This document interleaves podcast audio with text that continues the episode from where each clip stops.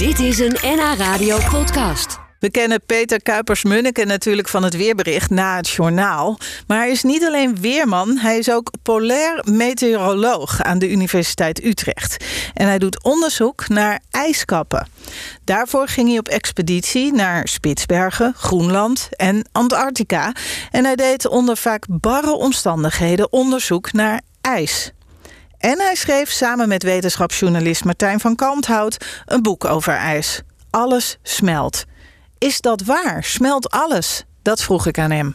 Nou, wel bijna. En ehm, kijk, dat komt natuurlijk doordat de temperatuur op aarde aan het toenemen is. Mhm. Het is inmiddels een, een graad warmer dan een eeuw geleden. En ja, het mooie van ijs is dat eh, het smelt bij 0 graden. En dat is overal.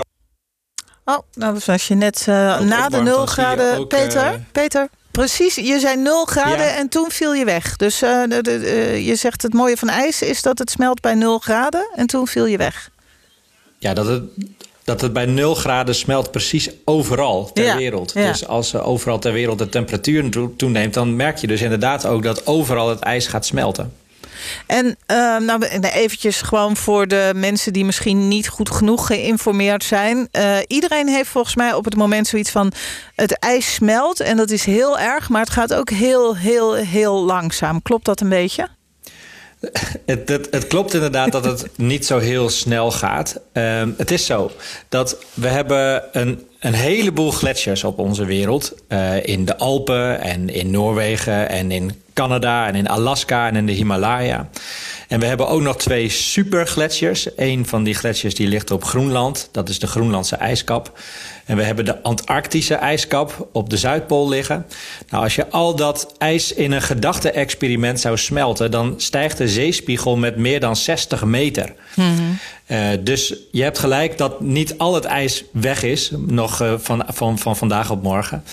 Maar wij hier in Nederland maken ons best wel druk... eh, om eh, ja, bijvoorbeeld dat 2 of 3 procent van al dat ijs zou verdwijnen. Want dat betekent dat de zeespiegel eh, ja, zo'n 1 of 2 meter gaat stijgen. En dan hebben we ja, voor de kust van Noord-Holland onder andere ook... maar eigenlijk in heel het westen van Nederland een heel groot probleem. Ja, ja, nou dat staat ook in je, in je boek. Inclusief eh, als er zoveel smelt, dan stijgt de zeespiegel zoveel meter. Maar hoe, hoe erg gaat het worden op korte termijn? Nou ja, dat is eigenlijk het mooie en dat is ook wel het hoopvolle signaal dat we willen afgeven met dit boek. Is dat het er nogal van afhangt ehm, of de opwarming van de aarde stopt in Ja. de komende tientallen jaren. En dat hebben we zelf in de hand, omdat de opwarming van de aarde veroorzaakt wordt door de uitstoot, of eigenlijk door het verbranden van kolen, steenkolen en olie en gas. En nou ja, eh, we willen daar heel graag vanaf. En Ja. daar zijn Europese leiders en Nederlandse politici ook hard mee bezig. Nou, als dat daadwerkelijk lukt, dan stoten we op een gegeven moment geen CO2 meer uit. En dan kan de temperatuur op aarde eh, dus stoppen met stijgen. En daarmee stopt dan ook het smelten van die ijskappen. En daarmee is dan een heel belangrijk probleem afgewend. Maar belangrijker nog, daarmee creëren we gewoon een mooie, duurzame toekomst. Waarbij ook onze kinderen en kleinkinderen eh, ja, nog kunnen wonen waar wij nu ook wonen. En genieten van het land dat wij ook hebben. Is dat, ook, is dat ook een reden geweest voor jou, niet alleen om dit boek te schrijven, maar ook om er naartoe te gaan? Om het wat tastbaarder te maken? Nou, de reden dat ik in die poolgebieden ben geweest, dat komt echt doordat ik eh, onderzoek doe naar eh, de vraag: oké, stel dat de aarde opwarmt, hoeveel van dat ijs smelt dan precies? Is dat dan eh eh 1%, 2%, 3%? Stijgt de zeespiegel 1 meter, 2 meter, 3 meter?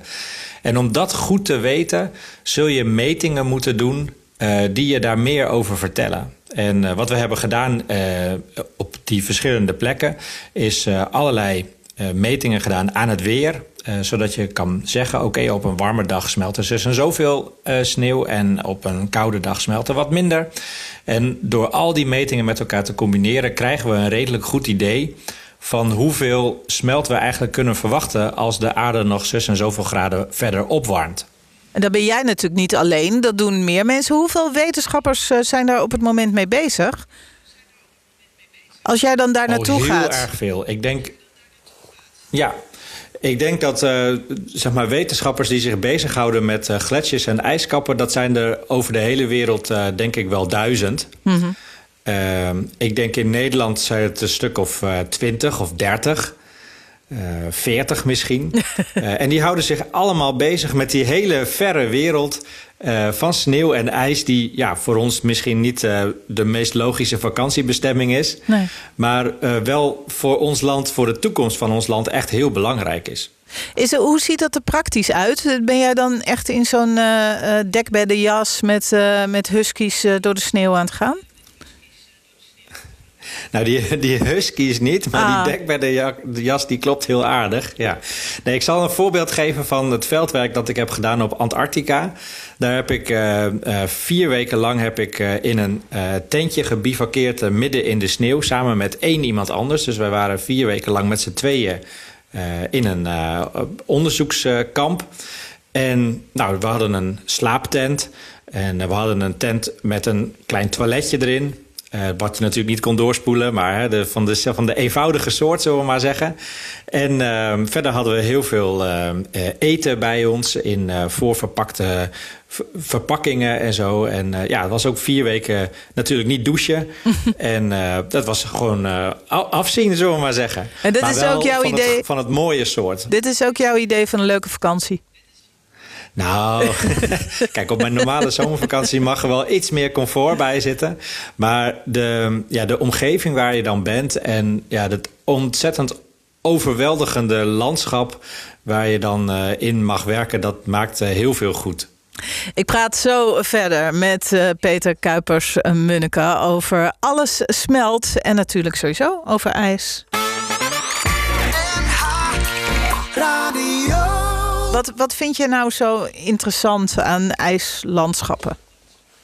Nou, het, meest bijzondere is om die te bestuderen en om daar naartoe te gaan, omdat het zo'n onherbergzaam, woest, uh, bijzonder landschap is. Ja, dat is heel moeilijk te omschrijven. Maar als je daar bent, dan voel je de kou tintelen op je hoofd, eh, op je wangen. En uh, je, je ademt uh, koude wolkjes, koude lucht adem je uit. En ja, dat is gewoon uh, ja, de, de winter, maar dan in de, ex, de extreme versie daarvan. Ja. En ja, je merkt gewoon aan alles dat het geen landschap is waar, waar de mens uh, ja, het comfortabel heeft of thuis hoort of zo. Maar daardoor heeft het ook wel een heel avontuurlijk gevoel om uh, naar die streken af te reizen. Ja, want jij beschrijft onder andere het onderzoekstation Rotera, zeg ik dat goed? Ja, nou, het is een Britse station, Rothera. Rothera, ja. ja. dat is echt helemaal in the middle of nowhere, om het dan maar op zijn Brits te zeggen. kun, je die, kun je die plekken beschrijven? Nou, Rothera is een uh, onderzoeksstation van de, van de Engelsen. En het ligt uh, in op, op Antarctica ligt het. Het ligt aan een baai met in de zomer open water. En op de achtergrond heb je echt hele mooie hoge bergen waar de gletsjers van afstromen. Uh, het, is, het is echt een soort sprookjeslandschap. Het, het doet wel een beetje denken aan, uh, aan die fantasielandschappen van, uh, van Anna en Elsa, weet oh, je wel? Van, Frozen. van Frozen, die Disney-animatiefilm. Ja. ja, precies. nou, maar dat, is, nee, maar dat is het echt. Je waant je gewoon echt in een sprookjeswereld. En dat is wat het is. Is het nooit gevaarlijk? Ja, zeker. En dat is ook de reden dat, er, uh, dat als je daar naartoe gaat, dat je trainingen moet doen. Veiligheidstrainingen, EHBO-training. En ook uh, bijvoorbeeld stel je voor dat je in een gletsjerspleet, hè, dat is een spleet tussen twee ijsblokken of zo, als je daar tussenin valt. Ja, hoe kun je jezelf er dan weer uithalen? Of hoe kun je iemand anders eruit halen? Dus er zit een. Uh, ja, Kijk, ik denk eerlijk gezegd dat een fietsrit door het centrum van Amsterdam net zo gevaarlijk is als een wandeling over een gletsjer. Uh, dus zo heel gevaarlijk is het nou ook weer niet. En uh, je moet het gewoon doen, zeg maar. Maar voor het geval er iets misgaat, dan is hulp wel heel ver weg. En daarom is het belangrijk om toch goed voorbereid er naartoe te gaan. Ja, jij was uh, voor je afstudeeronderzoek al op Spitsbergen. Hoe lang is dat geleden? Dat is al veel te lang geleden. Het leven gaat veel te snel. Nou ja, dat ik was vraag het. 17 ja. jaar geleden was dat. Ja. ja. ik vraag het omdat ik me afvraag of je dan ook verschil ziet in die 17 jaar in dit geval. Nou, het meest opvallende, ik ben namelijk in 2017 ben ik nog een keertje terug geweest op Spitsbergen. Ook rond dezelfde tijd, in april was dat. En wat het meeste indruk heeft gemaakt is dat de hoofdstad van Spitsbergen, nou ja, hoofdstad tussen aanhalingstekens, hè, want er wonen maar 2000 mensen. Dat eh, ligt aan een fjord. En toen ik daar was in 2004, toen was het fjord helemaal dichtgevroren. En dan kon je er gewoon met de sneeuwscooter overheen eh, rijden. En toen ik er 13 jaar later weer kwam, toen was het fjord rond dezelfde tijd van het jaar helemaal open. Uh, dus het was gewoon open water. Nou ja, dan kan je zeggen, goed, dan was het die ene keer koud en die andere keer warm. Maar 2004 en 2005, dat waren echt de laatste jaren dat het fjord bevroren was. En dat was tot die tijd elk jaar altijd gebeurd. En in één keer was het klaar. En ja, sindsdien uh, vriest het niet meer dicht. Dus dat is gewoon ook doordat het daar zoveel warmer is geworden, komt dat ijs op een gegeven moment ook niet meer terug in de winter op zee. Nee, nou, dat is wel, nee, is niet grappig, maar wel opvallend. Dat, uh, er komen allemaal vragen binnen van luisteraars. Zo belde er net iemand die had gelezen over een gletsjer op Groenland. Dat ook in een koele periode uh, de gletsjer toch uh, in, in het water ging, zeg maar. Hoe, dat kan dus niet, of dat kan wel, maar is er een kans dat het wel weer allemaal aanvriest, terugvriest?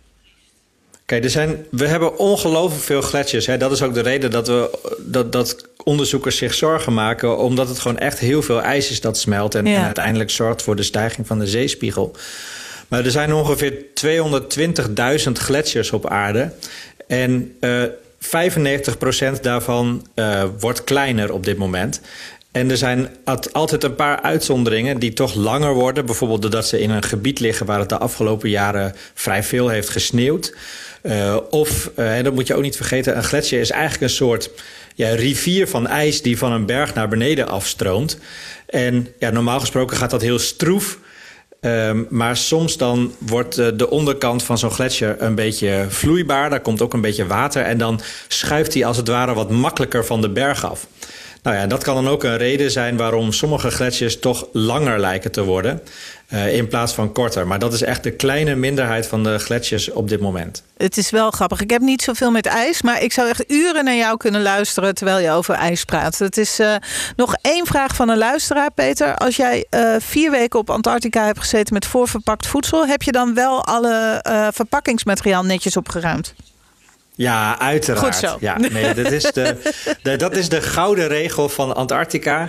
In het, in het, ja, in het Nederlands vertaald is de gouden regel is... Um, um, neem, ja, dat is een beetje raar vertaald, maar uh, take nothing but pictures and leave nothing but memories. Dus, uh, wow. of uh, nee, wat is het ook alweer? Nee, nee die dus memories moet achter, je ook meenemen. Ja, die moet je meenemen. Nee, dus je, moet geen, je, je, mag alleen voetsporen achterlaten, dat ah, is het. Ja. En je mag alleen herinneringen meenemen. Oh, die onthouden we. Ja. Dank je wel, Peter. En succes voortaan in het ijs.